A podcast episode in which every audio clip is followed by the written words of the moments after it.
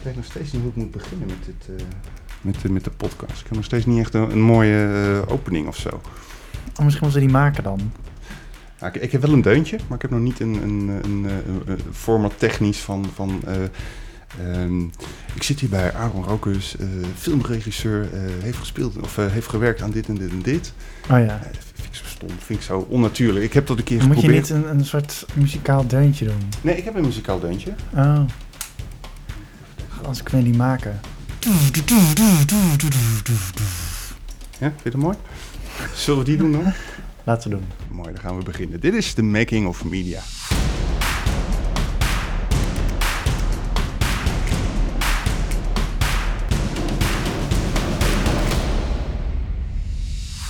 Ik ben op bezoek bij Aaron Rokers in Amsterdam. Gezellig. Uh, je bent uh, filmregisseur. Ja. Je hebt al een paar films, korte films, uh, wat langere films op je naam staan. Uh, onder andere One Night Stand. Althans, uh, uit de serie One Night Stand, Een Goed Leven. Uh, van God Los was een paar weken geleden op televisie. De Mhm. aflevering van jou. De, de, aflevering die jij geregisseerd hebt is Tot de Dood Ontschrijdt. Ja. En je hebt ook nog een aantal korte films gemaakt. En je bent ook nog docent op de HKU. Ja. Wat doseer je dan? Uh, ik geef nu de eerste en de tweedejaars les in uh, regie, spelregie en uh, concept en productie. maar je hoofdvak is, is je bent regisseur. Ja, en ik schrijf scenario's. En je schrijft scenario's. Van je eigen films of ook van andere films? nee, tot nu toe alleen van mijn eigen films. Ligt je ambitie ook op beide vlakken? Is het zo dat je echt het allebei even leuk vindt? Of zeg je van ik doe het erbij omdat het goedkoper is? Of?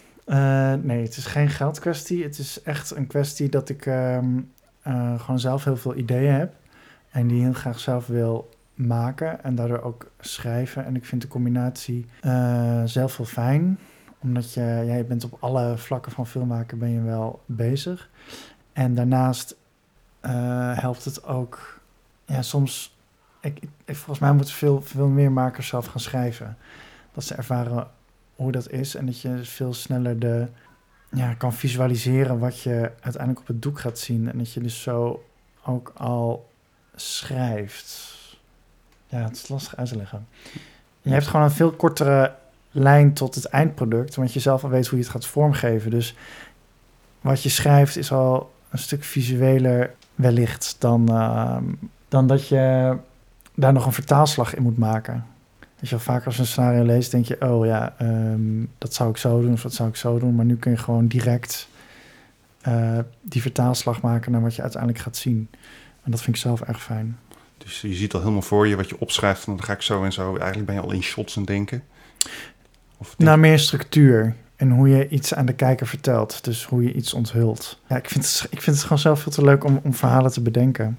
En uh, ik heb echt ik loop over van ideeën, dus dat, dat komt vanzelf of zo, ja.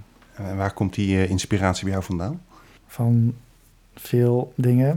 en bijvoorbeeld die van God los, dat, dat was een, gewoon een vaststaand gegeven. Dus dit is de, uh, dat, dat heb ik herschreven. Dus het oorspronkelijke scenario, dat, dat was al, daar heb ik de basis uitgehaald. En dat heb ik gewoon helemaal zelf herschreven. Dus daar is, ja, die inspiratie die is er in principe al, want je hebt gewoon een verhaal dat verteld moet worden. Alleen hoe, hoe ik dat vertelt en hoe je dat in beeld brengt, dat heb ik zelf helemaal herschreven. Dus daar heb je dan niet per se inspiratie voor nodig. Wat ik daar wel heb gedaan, is dat ik ben gaan researchen. Het gaat over uh, dementie. Hoe werkt dementie nou? Um, en dat ik daarachter ben gekomen doordat ik op, uh, echt op veldbezoek ben gegaan bij een um, bejaardentehuis met uh, twintig maar niet bejaarden, maar mensen die lijden aan uh, die ziekte, dementie. En dat je verhalen hoort van partners en dat je dan gaat kijken, ja, wat voor scènes kan ik daaruit halen die beeldend iets vertellen. Dus heel veel inspiratie haal ik ook uit research die ik doe. Ja, want, want Van God Los is een, is, een, uh, is een serie dat gaat over misdaden, waar gebeurde uh, misdrijven. Ja. In elke aflevering van die serie, oorspronkelijk was het een film, nu is het een serie van BNN Vara. in elke uitzending wordt een, een misdrijf belicht. En jij kreeg een misdaad toegewezen, of hoe werkt dat? Ja, nou, normaal, normaliter krijg je van tevoren een uh, case en dan kun je dan uh, nou, een verhaallijn rond bedenken. Ik kreeg een scenario uh, aangeboden, omdat de regisseur die kon vanwege privéomstandigheden kon die niet meer eh, die aflevering doen. Dus dan zei ik, nou dan wil ik hem wel doen. Want ik vond het een heel mooi gegeven. Over een, het gaat over een ouder echtpaar waarvan de een, of ja, ouder, 50, waarvan de vrouw dementerend wordt en zij verdenkt hem op een gegeven moment van uh, vreemd gaan. En dat zit zo in haar hoofd dat ze wil gaan scheiden.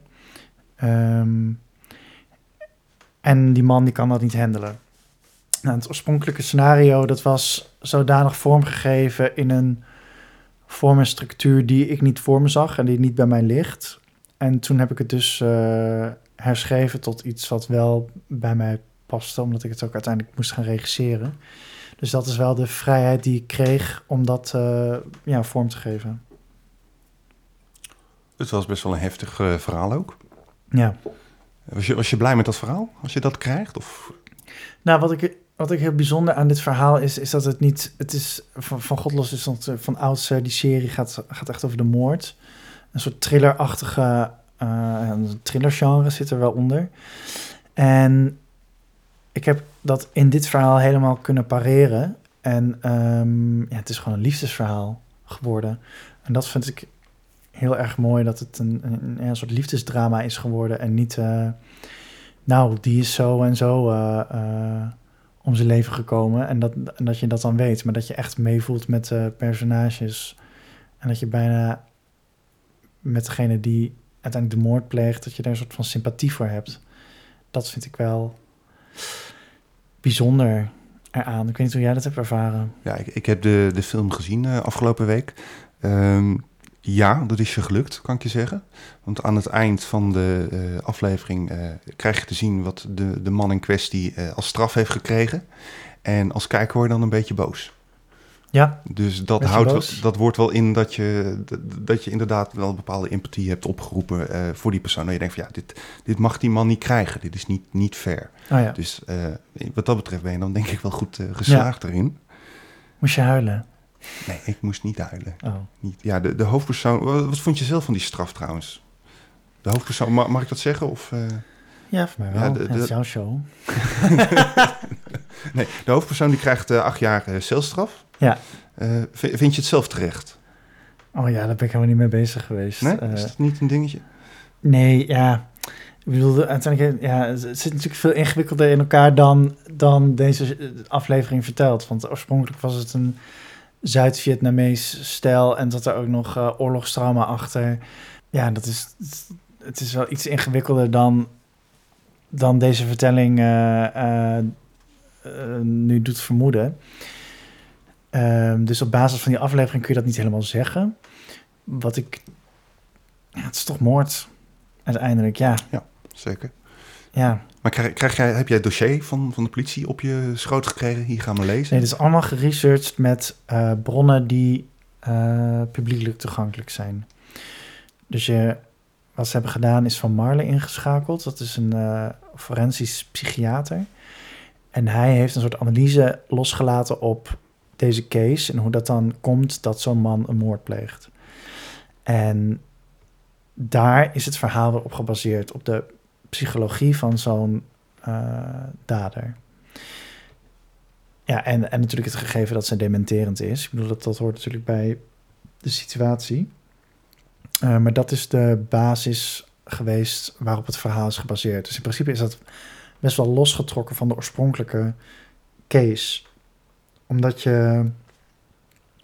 Ja, het was anders te veel informatie en het is ook geen reconstructie. Dat is wel belangrijk. Dat het, het is geen Peter R. de Vries reconstructie. Uh, nou, zo is het gebeurd. Het, is, het gaat echt om het uh, verhaal ja, van die twee. En dat is, daar zit wel een zekere, zekere dichterlijke vrijheid in. Zeker, je hebt het zelf geromantiseerd en je hebt er zelf je eigen verhaal van gemaakt. Ja. De mensen die in beeld komen, dat de buurvrouw, de, ja, dat is allemaal uh, verzonnen. Dat is, ja. dat is verzonnen, oké. Okay. Dus de kern, van, uh, de kern van, van de misdaad heb je gepakt. Ja. Dementie. Uh, en daar heb je je eigen verhaal, je eigen draai aan gegeven. Ja. Dat is mooi. Hoe lang ben je met zoiets bezig om te schrijven? het herschrijven heb ik denk ik in twee à drie maanden gedaan. En ja, niet fulltime, maar gedurende de periode. En toen is het had ik twee weken voorbereidingstijd. Ja, casting was al gedaan. Toen heb ik het, het is in zeven dagen gedraaid. En dan heb je nog een maand post, montage, sounddesign, kleurcorrectie, titeltjes. Eh, ja, zo. Dus de productie duurt 48 minuten, in zeven dagen gedraaid. Ja. Klinkt mij als best wel eh, snel. Ja, dat is het ook wel. Uh, en dan gaat het ook nog sneeuwen. En dan gaat het ook nog sneeuwen, ja. Daar hadden we niet helemaal op gerekend. Die ene dag in het jaar dat het ging sneeuwen was in onze productie. Dus ik deed hier het raam open en ik zag een dik pak. En ik dacht, uh, ja, ik zou niet weten hoe het er daar uitziet. Maar daar was het nog dikker, want in het bos en uh, geen huizen. Dus het blijft gewoon liggen. En uiteindelijk dacht ik, ja, ik kan hier gewoon echt niks aan doen. Ik ga gewoon doordraaien. En we doen net of het sneeuwt. En uiteindelijk in de montage is dat best wel goed gekomen. We hebben in één scène er sneeuw bijgelegd. digitaal. En voor de rest, ja, heb je het niet echt door. Of het geeft best wel veel ook aan de sfeer. Dat het gewoon heel gesloten is en uh, afgezonderd. Dus uiteindelijk vind ik het wel, uh, was het een soort mazzeltje. Uh, hoeveel mensen zijn er eigenlijk mee bezig met zo'n zo'n productie? Je hebt het dan geschreven, doe je dat alleen? Nee, er zitten dan natuurlijk Pieter Kuipers, de producent, die leest mee. Dan is er nog iemand van de omroep die meeleest. En dan is er nog een uh, creatief producent uh, Jan Eilander, die, uh, die begeleidde mij zeg maar, inhoudelijk erop. dus met die mensen, die lazen allemaal mee. En hoeveel mensen er helemaal verder ja, bij betrokken zijn? Qua productie dan, dus achter de schermen, want je hebt aardig... Ja, ik denk iets van twintig of zo, dat we met twintig mensen op de set waren... Uh, soms iets meer, soms iets minder. Denk ook, er zitten heel veel honden in. Dus het gaat. Uh, dus er zijn ook honden per hond een hondentrainer. Um, soms ben je met de buitenscènes. We hebben één zo'n scène en dan loopt zij op straat. Ja, daar zijn er tien mensen mee, dus dan wordt het weer kleiner. Weet je, op dat plein dat zij uh, een beetje tippelt. Um, ik denk zo gemiddeld 20 mensen op de set, 18. En dan in post heb je een editor, een sounddesigner, een color grader. iemand die de titels doet, en een postproductie supervisor. Dus dan ben je met z'n vijf à zes voor het postteam. En ben jij dan als regisseur de, de, de hoofdleider van het? Uh, kijkt iedereen naar jou? Of is, is, zijn nee, nee dat, ja, dat valt best wel mee. Um, als in, we hebben, weet je, over die grading, daar heeft de, de camera, uh, de DOP, de Director of Photography, uh, veel over te zeggen. Dat was in dit geval Titian Nieuwkoop. Uh, en we bespreken dan samen een plan van uh, welk kleurenpalet we willen en wat past goed bij de film. Um, ja, en ik ben dan zo'n um, dat ik daar dan wel bij ga, ga, zitten. Maar in principe kan hij dat ook alleen af. En verder is er dus een postproductie supervisor die alles organiseert. Dus ik zit er eigenlijk gewoon bij inhoudelijk om dat aan te sturen. Van met de sound designer en, het, en, en de editor van waar willen we naartoe we hadden bijvoorbeeld eerst een sound design wat heel erg spannend was en op de um, ja, echt op de thriller zat. Dat, dat, had, dat, ja, dat was de eerste versie, zeg maar. Toen zei ik, nee, het moet echt helemaal de andere kant op. Um, en dat kan echt zoveel betekenen aan... Uh, sound design betekent zoveel voor de inhoud van je film. Ja, het, het, werd gewoon een thriller. En dat was gewoon absoluut niet de bedoeling. Ze allemaal... Uh, oeh, van die, van die duiven, nee, noem je dat? Een uil. Uh, waardoor het gewoon allemaal heel spannend wordt en meer op het thriller element zat. En dat, is, ja, dat stuur je dan wel bij naar uh, meer op het drama, dat het echt over die mensen gaat en niet zozeer over die moord. Dus inhoudelijk ben ik wel eindverantwoordelijk, ook bij het sounddesign. Nee, Oké, je bent vooral sturend dus. Maar ja. wel, ben je ook bij de casting betrokken, ja. bijvoorbeeld? Dat wel. Je hebt aan een tafel gezeten en dan komen de, de mensen binnen. Hoe gaat dat? Uh, ja, god, hoe gaat dat? Nou, dit was wel een, een lastige casting, omdat alles moest heel snel. Want uh, we gingen in februari draaien en in oktober hoorde ik, ja, je moet nu uh, weer het herschrijven. En ik ging ook nog een maand naar Nieuw-Zeeland. Dus ik was een maand zeg maar weg en alles moest snel gecast worden. Dus een deel is ook gecast zonder mij en kreeg ik de filmpjes in Nieuw-Zeeland en dan ging ik dus kijken ja, ik heb daar wel zeggenschap in, in hoe en wat. Maar dat is ook met de omroep, die heeft er ook wat over te zeggen. En de producent. Dus je bent op zich wel vrij, maar niet helemaal dat je kan doen wat je wilt. Nou ja, je hebt, je hebt, je bedoel, je hebt natuurlijk heel veel handvatten. Want je hebt gewoon het scenario van dit gebeurt er. Je hebt repetities waarin je die personages gaat uitdiepen. En soms, ja, er was bijvoorbeeld één scène eh, dat zij ehm, allemaal spullen weggooit. Toen heeft ze zo'n doos van zolder gehaald en dan flikkert ze allemaal midden in de nacht spullen in de prullenbak. En we waren na de repetitie ook nog niet helemaal uit. En toen is dat op set is dat een beetje ontstaan. En ehm, er is een opnameleider, uh, Sander Donker, die heeft, ja, die ziet ook dingen en die gaf toen een, uh, een hele goede tip. Volgens mij, als het zo is insteekt, wat zou er dan gebeuren? Nou, dat ga ik dan uitproberen. Dus het is niet zozeer dat ik daar dan helemaal alleen sta. Want als ik het ook even niet weet, dan is altijd een regieassistent of de opnameleider. En dan kan ik gewoon vragen: Ik heb het gevoel dat het niet werkt. Wat vind jij ervan? Dat, ja, die ruimte is er wel. Ja, dus je bent uiteindelijk wel echt als team ben je daar aan het, ja. bouwen. Ja, film is niet... wel echt teamwork. Ja, oké. Het is niet zo dat ik daar als een tiran iedereen zou aan te sturen en uh, nee, dit moet zo en dit moet zo, want zo werkt film gewoon niet. Maar voel je je wel eindverantwoordelijk dan? Ja, je bent, ja, als ik het goed vind, dan zeg ik en we gaan nu naar de volgende scène. Dus het is wel mijn beslissing. Ja. ja. Hoe, en hoe vaak doe je een scène over? Ja, Drie, vier keer, vijf keer. Het ligt er een beetje aan hoe moeilijk het is. Soms is een scène... heeft het niet zoveel om het lijf... en dan kun je er gewoon snel doorheen. Uh, maar soms is het wat ingewikkelder. En dan kan het soms wel tot acht takes duren. Ja, soms heb je het, je het gewoon niet. Dan zit je een beetje te zoeken van, is dit het nu? En dan denk je, nee, ik wil dit nog een keer proberen. En er is ook wel de ruimte voor als je zo snel uh, moet produceren? Of zit je dan toch op de klok te kijken en uh, oh jee, we moeten dit, dit en dit nog vandaag doen? Uh, volgens mij ben ik in die zeven dagen anderhalf uur uitgelopen, dus dat is heel erg netjes. Oh, dat is heel netjes, ja. ja. ja. Want hoe lang zijn de dagen? Ben jij ook echt twaalf uur per dag bezig of netjes acht uur? nee, het is niet acht uur. Het is volgens mij tien uur effectief draaien en dan heb je een half uur pauze. Dus dat is tien en een half uur plus uur uit en thuis. Dus volgens mij ben je maximaal 12,5 uur per dag bezig. Dat is redelijk intensief. Ja. Nou goed, dit was dan een week, zei je? Ja. Uh, een, een, week lang uh, gedraaid. Dus uh, dan is het ook wel te overzien. Ja. Ga je meteen daarna met, met de postproductie aan de slag? Nee, er zat wel een flinke post tussen, wat op zich prima is. volgens mij zat er een paar weken tussen. Want de editor die moest nog de vorige aflevering monteren. Um, dus mijn aflevering uh, ja, had ik vijf weken ertussen zo. En, en dan kijk je, ben je volledig bij de, de editing ook aanwezig zelf? Nee, de editor die gaat. Sorry, ik zit een beetje te kraken. De editor die doet eerst een voormontage, dus die krijgt dan het scenario en die ziet dan, oké, zo en zo en zo. En dan na een week heeft hij zeven dagen voormontage gedaan, dan uh, ben ik erbij. En dan uh, zeg ik, uh, oh, dit werkt heel goed. Of hier had ik iets anders bedacht, kunnen we dit eens proberen? En dan ga je een beetje uh, ja, onderzoeken met de editor. Ja, je kan dan niet iets nog even een keer overnieuw doen natuurlijk.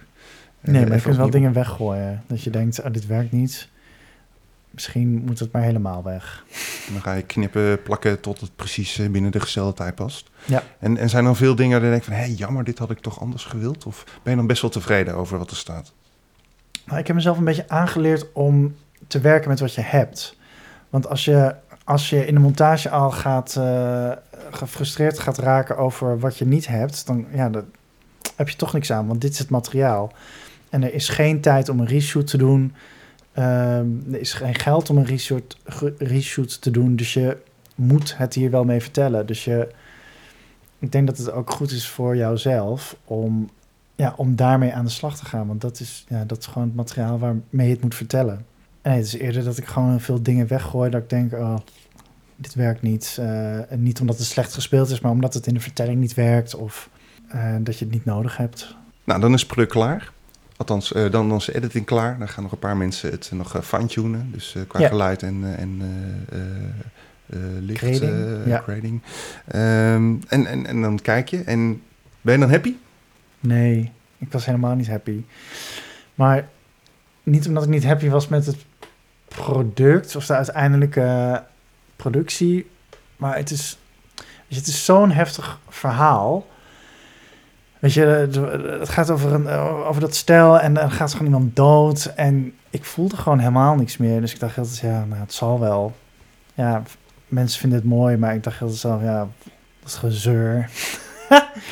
je hebt het al zo vaak gezien, tot in den treuren, om daar dan nog gevoel bij te krijgen. Dus ik vond het heel lastig om daar dan tevreden mee te zijn. Eh, pas eigenlijk bij de première dacht ik eh, weer, en dat mensen gewoon heel erg geraakt waren, dacht ik. En dat je dan in zo'n zaal zit en dat je dan weer voor het eerst mee kan voelen hoe de kijker het ziet voor het eerst. En dat je dan in zo'n zaal zit, dat je mensen echt zo, ehm, met ingehouden, ingehouden adem ziet kijken. Ja, dat, dat, dat is tof. En dan voel je weer van, oh ja, zo komt hij aan. En wa- was je zenuwachtig dan voor die première? Nee, nee. Ja, stom hè? Het is je kindje toch? Ja, het is je kindje, maar ook weer niet. Omdat het toch een soort format is. En ik heb het niet helemaal vanaf het begin zelf bedacht. Of zo, weet je wel. Ik bedoel, het is gewoon een vast gegeven. Dit is de moord. En ik wist natuurlijk al heel veel, oh, je moet het over gaan. Dus er is wel echt een verschil als dat je zelf begint from scratch. Van, dit is een verhaal wat ik wil vertellen. Dan dat je iets maakt, ja, toch eigenlijk in opdracht. eh, voor een omroep. En het toffe aan dit project is dat je wel heel veel vrijheid krijgt. En heel veel vertrouwen van de producent en de omroep. Dus dat is heel tof. Maar ik was niet zo zenuwachtig van dat ik dacht... Wat gaan mensen ervan vinden? En als het kut vinden, dan is mijn carrière voorbij. En eh, nee, dat, dat had ik niet. Nou, je, je hebt meer films gemaakt, bijvoorbeeld ook eh, The One Night Stand dan. eh, een maar daar was ik kei zenuwachtig voor. ja, ja. Maar dat komt omdat ik toen ook genomineerd was voor een Gouden Kalf. Ehm, en dat hoor je dan een maand van tevoren. En je krijgt dan zoveel aandacht dat ik... ehm, ja, ik werd daar heel zenuwachtig van. En eh, oh, dan moet ik het ook waarmaken ook. En op de een of andere manier ligt het heel veel druk op je. Wat prima was, maar ik moest daar wel een maand van bijkomen na dat filmfestival. Dat ik gewoon al die aandacht vond ik wel heftig. Ik, ben, ik hou niet zo van aandacht. Vind ik wel moeilijk om dat te processen. Stel je, stel je bent jarig en, en, er komen duizend mensen de hele tijd... eh, oh, was je verjaardag en je moet duizend keer hetzelfde verhaal vertellen. En dan, en dan weet je op een gegeven moment ook niet meer wat je moet zeggen. Nou, dat is ook dan met zo'n... Als je dan genomineerd bent, ach, gefeliciteerd met je nominatie. eh, eh. En dat je op een gegeven moment ook niet meer weet hoe je, wat je moet reageren. En, en, en dat het gewoon zoveel is, die aandacht. En op zo'n filmfestival ken je zoveel mensen.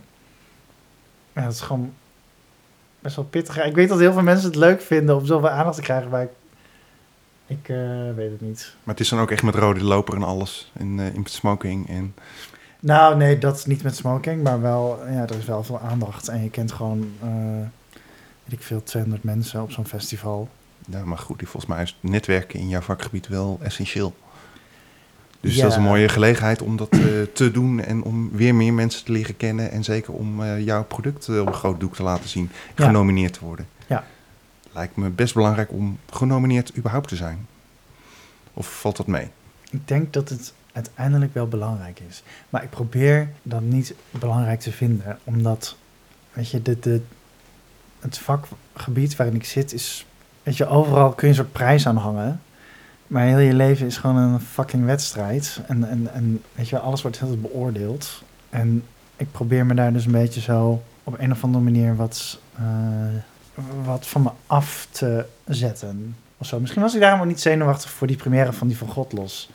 Dat ik dacht, ja, iedereen eh, mag eh, vinden wat hij vindt. Prima, ik heb dit gemaakt. Ik ben er trots op en ik ben er blij mee. En dat is, het is goed gelukt. Ehm, dat zou in principe voldoende moeten zijn.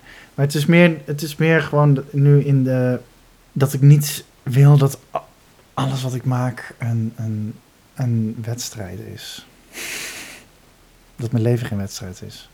Heb je iets gewonnen op de wedstrijd? Ehm, op het Nederlands Filmfestival ben ik nu drie keer genomineerd geweest, maar ik heb nog niks gewonnen. Wel Ariane Sluter, die is genomineerd geweest voor, of die heeft wel gewonnen Gouden Kalf voor beste actrice in televisiedrama voor een goed leven. Is dat, eh, is dat dan ook een erkenning voor jou als, als een van jouw hoofdrolspelers een prijs wint? Eh, ja, nee, zeker. Nee, zeker. Want het was zo'n fijne samenwerking. Eh, ik vind Ariane echt een vakvrouw. als actrice heel erg dienend aan de rol. Weet je, zij kan alleen maar goed spelen als de, de omgeving goed is. En als, het, eh, ehm, als daar ruimte voor haar is om haar ding te doen. Dus in die zin ben ik daar wel heel, ja, ben ik daar heel erg trots op. Ja. We hebben het nou over de, de One Night Stand film. Want One Night Stand, dat is, een, is ook een serie van de publieke omroep. Waarbinnen korte films van een minuut of 50. Nou, de One Night Stand is dus een wedstrijd. Nee, even heel flauw. Maar de, eh, nee, de One Night Stand is een ehm, programma voor jonge filmmakers... eh, waarbij zij de mogelijkheid hebben om een 50 minuten film te maken. Eh, maar in die zin is het een wedstrijd dat ehm, eh, heel jong filmend Nederland die wil daar aan meedoen. Want dan krijg je budget en het wordt uitgezonden en je kan gewoon best wel toffe dingen maken. Maar er worden dus twaalf geselecteerd om het te maken, te schrijven. En er valt dan de helft van af die het daadwerkelijk mag maken. Dus als je het mag maken, dan, weet je wel, dan zijn er al een soort van 80 afgevallen. Dus in die zin zit je heel de tijd in een soort competitie. En als je dat dan, ja, als je daar dan niet in zit, dus je hoort niet bij die zes die het mag maken, of je valt dan net van tevoren af, weet je, je hebt het scenario geschreven, eh, heb je een jaar aan gewerkt, en dan krijg je te horen dat je het niet mag maken. Ja, dat is gewoon super zuur, want een scenario is natuurlijk niks. Het is gewoon een, een, een half, half product. Dus dat bedoel ik met, weet je, dat is ook een soort van onderdeel van die wedstrijd, dat je heel de tijd moet indienen en eh, geselecteerd moet worden en dan nog maar hopen dat, dat je het uiteindelijk mag maken. En, dat, ehm, en dan wordt het ook nog eens beoordeeld. Wat natuurlijk inherent is aan ons vak. Want als het goed is, dan mag je weer iets nieuws maken. Ehm, maar ik denk dat je daar wel als maker erg nuchter mee om moet gaan. En is die, is die filmwereld eh, hard? Is het moeilijk om, om aan de bak te komen of om films te, te, te mogen regisseren? Ja. Ja, wat is hard? Ik denk gezond. Er zijn gewoon heel veel mensen die het willen. Ja, en het is gewoon een onzeker beroep, weet je wel. Niet iedereen eh, die gaat het redden. En iedereen is daar zich van bewust van tevoren dat dat gewoon pittig is. En eh, ja, dat is, ik denk niet dat dat verkeerd is. Maar het is wel zwaar, soms. Maar heb je dan ook druk dat je je echt wil onderscheiden met bijvoorbeeld eh, heftige verhalen? Of, of eh, werk je aan een bepaalde stijl om op te vallen? Nou, niet om op te vallen. Ik denk niet dat opvallen een doel aan zich is. Ik denk dat je als maker eh, je eigen verhalen moet maken. En eh, ja, daarin, weet je, het is jouw stem. Dus daarin onderscheid je al vanzelf. Eh, maar onderscheiden aan zich is, is, is geen, geen doel aan zich, denk ik. Ik denk dat, dat jouw doel moet zijn om eh, hele mooie of toffe dingen te maken... waarvan jij vindt dat de wereld die moet zien. En als jij trouw blijft aan jezelf, dan wordt dat vanzelf wel uniek. Tip voor de luisteraar. ja, ik bedoel, dat is wat ik, dat is wat ik doe. Eh, ik had het laatst iemand die zei, eh, die had die van God los gezien. En het, weet je, die van God los is een, is een bepaalde opzet met een moord. En die zei, ja, toch zie ik dat het een Aaron-film is. En toen zei ik, wat dan? Hoe dan? Ja, ik zie, het gaat over eh, intermenselijk contact. En toen dacht ik, ah ja, nou dat snap ik wel, weet je. Dus dat, dat is blijkbaar mijn ding, dat het over intermenselijk contact gaat. Ja, en ik heb daar een bepaalde visie bij, of vorm, of stijl, of toon, die eh, blijkbaar eh, die je kan herkennen. Het viel mij ook op inderdaad dat alle, alle films, althans ik heb er nu een stuk of vier van jou gezien, twee korte, twee wat langere, eh, dat inderdaad vaak ging over twee of meer mensen die inderdaad samen iets doorstaan. Eh, en wat me ook opviel was dat dat meestal best wel heftige onderwerpen waren. Eh, of met een heftig onderwerp gerelateerd. Escort boy, een moord, kindermisbruik. Ja, Toch wel thema's die niet mals zijn. ja. Hoort dat dan ook bij jouw stijl? Is dat een stempel, een Aaron-stempel? Nou ja, kijk, die, die, die, eh, over die eh, homo-escort. Wat ik daar leuk aan vind, is dat... ik ga daar niet over oordelen of je het nou moet doen of niet. Ehm, maar wat ik leuker aan vind, is eh, het bestaat gewoon. En mensen doen dat. En ik ga niet oordelen over die mensen van wat je doet is slecht of zo, weet je wel. Ja, dan, dan doe je die mensen echt tekort, weet je. Je weet niet waarom zij dat doen.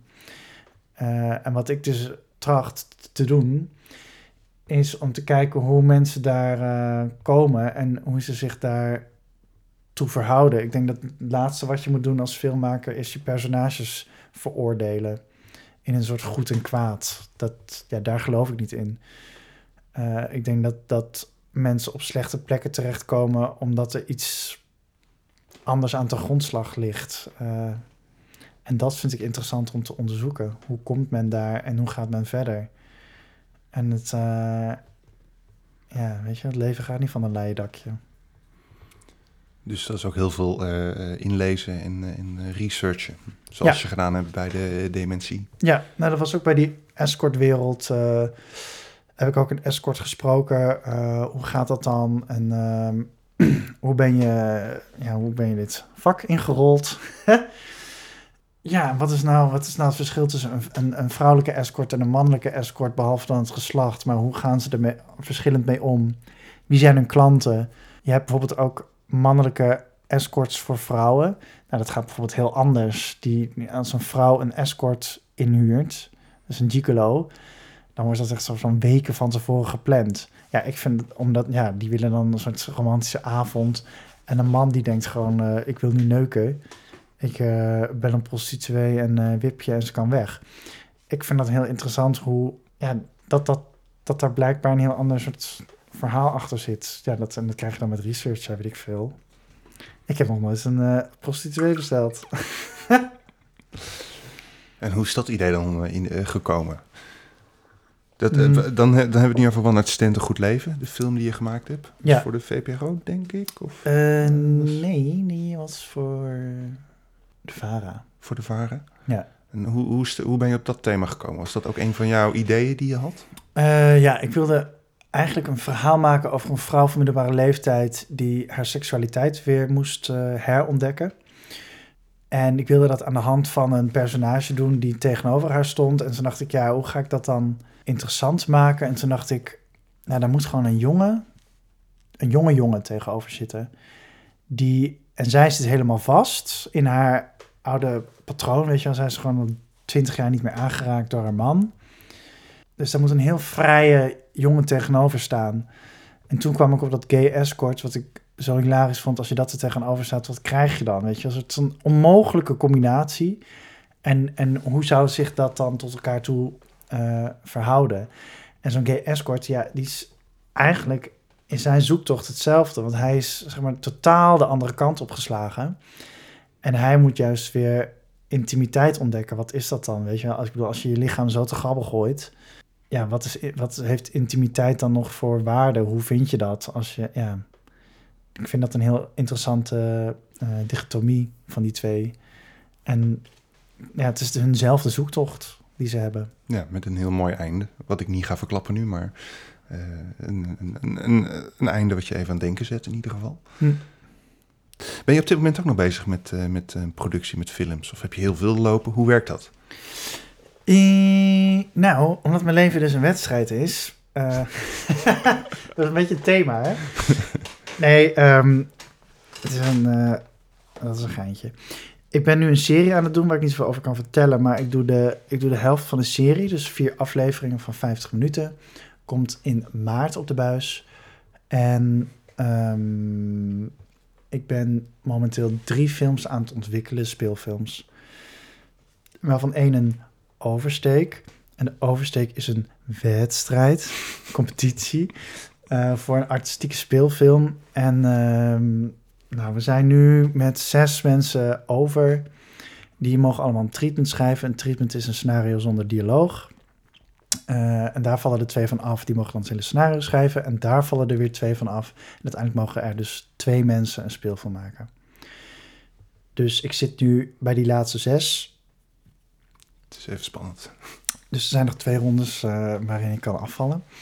Uh, andere speelfilm ben ik aan het ontwikkelen. En ik heb net een telefilm ingediend. Maar daar weet ik nog helemaal niks over. Want dat is gewoon de massa-indiening waarbij iedereen iets indient. Zo'n grote productie dan van, van, die je dan doet voor de publieke omroep bijvoorbeeld, zit er dan een vast budget aan? Of moet je een budget indienen? Of... Nee, dat komt een budget vanuit de omroep. Vanuit de omroep. En daar moet je het voor gaan doen. Ja. En daar kan je dan, uh, kan je dan grote of niet grote acteurs voor inhuren? Of zit je, be- beperkt het je, je, je inhoudelijke... eh, Ja, het beperkt zeker inhoudelijk, omdat je... ehm, ja, op, ligt eraan welk project je doet. Van bijvoorbeeld een, een, een, eh, een goed leven, zo'n one-night stand, krijg je eh 265.000 euro voor. Dus dat is gewoon een vast bedrag. En daar moet je alles voor doen. Als jij met amateurs wil werken, dan ga je lekker met amateurs werken. Als jij ehm eh, Brad Pitt zover krijgt om over te vliegen en voor, eh, voor eh, 800 euro per dag hier op de set te staan, terwijl hij 8, miljoen, 8 ton per dag krijgt. Ja, als dat lukt, dan lukt dat jou. Maar dat is gewoon het, het, het bedrag waar je het voor moet doen. En eh, je kan natuurlijk kiezen voor, eh, oké, ik, ga, ik ga met zes mensen crew zijn, dus een heel kleine crew. Dan kan ik twaalf dagen filmen. Of ik wil eh, een crane en ik wil een helikopter, bladibla. Dan kan ik acht dagen filmen. Dus dat, daar heb je wel wat vrijheid in hoe je je budget verdeelt. En dus, ehm, ja, bij zo'n serie zit dat heel anders. Daar, daar heb je gewoon wel, dat zit veel strakker op elkaar. En ja, dat budget is al vrij strak verdeeld hoe het zit. ja, maar je wil goede namen kunnen inhuren voor die eh, productie. Ja, maar dat kan wel. Dat kan wel. Ja. Maar moet je dan bezuinigen op andere dingen? Of valt dat prijstechnisch nog wel mee? Het ligt niet, zo, niet zozeer enkel aan die sterren, of de sterren, de A-acteurs, maar aan, ehm, je kan er zeg maar ook kiezen voor, eh, nou ik schrijf er wat rollen uit, Ehm, want dat scheelt acteurs en dan kan ik wel die eh, dolly gebruiken. Bij wijze van spreken, een heel, eh, simpel voorbeeld, maar als er aan de ene kant dus geld afgaat, dan kan er aan de andere kant geld bij en vice versa. Stel je hebt eh, eh, drie locaties op een dag en je denkt, nou, ik schrijf die scène wel even naar die andere locatie toe, dan scheelt dat een verplaatsing op een dag. Dus dan kun je meer draaien op die dag. Eh, dus zo kan je uiteindelijk ook gaan nadenken. Dus als het helemaal staat, dan ga je productioneel kijken. Wat, hoe ga ik dit aanpakken? En geeft het voor jou ook een extra kick om met eh, A-acteurs te werken? Of is dat prettiger, makkelijker? Ik denk dat het belangrijk is dat je zonder ego werkt. En ik heb nog nooit... Ik heb één actrice met een ego, maar die heb ik niet aangenomen. Of daar ben ik niet mee in zee gegaan. Eh, omdat ik daar meteen dacht, nou doei, ik, ik heb geen zin om met jou samen te werken, weet je wel. Dan, dat, dat, dat trek ik gewoon niet. Als je egoloos op een set staat, dan kun je gewoon normaal communiceren... en dan ga je werken aan, je, aan die inhoud. Want je wilt allemaal datzelfde verhaal vertellen. Ehm, maar ik heb nog nooit echt op de set gewerkt met ego's. Dat ik dacht, "Oeh, wat moet ik hier nou weer mee? Of eh, ik moet dit met zijde handschoentjes eh, aanpakken. Nou, ik, ik, kan mezelf, ik kan mezelf gewoon heel goed voorstellen dat het wel ontzettend leuk is om, om een, een Ariane Schluter te contacteren. Ja, dat dat toch wel een kick geeft voor, eh, voor jouw productie en extra leuk is. Maar he- heeft zij dan ook bijvoorbeeld minder dagen moeten eh, op, hoeven opdraven? nee, ze was alle dagen, of alle dagen wel. Ze zit bijna in iedere scène. Nou ja, Ariane is... eh, ik, eh, ik vind haar dus echt een vakvrouw, omdat zij dus... Zij heeft totaal geen ego. Dus dat vond ik heel prettig werken. Dat je het gewoon echt over die rol kan hebben. En dat je niet een soort omweg moet maken. Nou, ik ga met Ariane Sluter werken. Eh, ik ga haar eens even aanbidden. En ik ga allemaal complimenten maken. En, eh, en dan ga ik eens... Nee, dat, dat, dat hoeft helemaal niet bij haar. En dat werkt... Ja, dat is gewoon heel fijn. Dat je gewoon op een soort... Met, gewoon met respect voor elkaar kan werken of zo. Ja, Ja, en daar gaat het uiteindelijk ook om in jouw films. Mensen. ja precies. Dus eh, die klik moet er wel zijn dan. Ja. Ja. ja, dat vind ik wel belangrijk, ja. Mooi. Dus je gaat nog heel veel mooie dingen maken. Ik hoop het. Dat hoop je. Gaat nog heel lang door. Heb je nog grote wensen? Dingen die je echt graag wil doen? Eh, nou, als twee van de drie speelfilms doorgaan, dan ben ik wel een gelukkig mens. Of nou, natuurlijk mag ik er hopen dat er überhaupt eentje doorgaat. Maar eh, ik vind ze alle drie heel erg tof. Eh, en vind, maar, maar van twee vind ik ook echt dat ze gemaakt moeten worden. En dat dat, dat, echt belangrijk is dat die films er komen voor het, eh, eh, eh, ja, gewoon voor de voor het verhaal, voor de boodschap, voor het publiek, dat het voor het potentiële publiek, en dat het gewoon echt twee heel bijzondere projecten zijn. Nou, ik ben benieuwd. Ja. Hoop dat het doorgaat. Volgend jaar dus. Wie weet. Zou wie het jaar van jou kunnen worden. Ja. Spannend, leuk. Nou, tot slot. Heb je Ik heb- nog... Ik heb trouwens Oh. wel de laatste, laatste drie jaar dat het de hele tijd mijn jaar is. Want het gaat gewoon, het gaat wel echt heel goed. En ik heb het gevoel dat ik een beetje zit te zeuren van, eh, oh, mijn leven is een wedstrijd. Maar het gaat wel goed. En daar ben ik wel echt heel dankbaar voor dat, dat, eh, dat al het harde werken zijn vruchten heeft afgeworpen. Ik had het laatst met mijn zus over. Die zei, ja, toen ik op de kunstacademie zat, toen had ik altijd het idee dat ik het leven wilde wat jij nu hebt in Amsterdam. En dat je succesvol bent en dat je mooie dingen maakt. En dat heb jij nu. Dus dacht ik, oh ja, dat, dat, dat was wat je vroeger wilde. En ik sta daar wel bij stil dat dat eh, tot nu toe is gelukt of zo. Dat dat, dat, dat, dat ja, dat ben ik wel. Dat je mooie kansen hebt gekregen. Ja. En dat je als perfectionist zijnde toch tevreden kan zijn... en toch na vier maanden een gevoel kan krijgen Ah. bij, een, eh, bij precies. een productie. Een gevoel, ja, ja. Nou, ik ben heel benieuwd eh, wat er voor mooie films nog komen. ja. Dankjewel voor je medewerking. Graag gedaan, ik vond het leuk. Nou, dit was de derde aflevering van eh, de podcastserie The Making of Media. Er komen meer afleveringen aan, dus eh, abonneer je gratis op eh, deze serie in de podcast-app, op iTunes, Soundcloud of op Facebook. Kijk voor meer informatie op de website themakingofmedia.nl. Bedankt voor het luisteren en tot een volgende keer.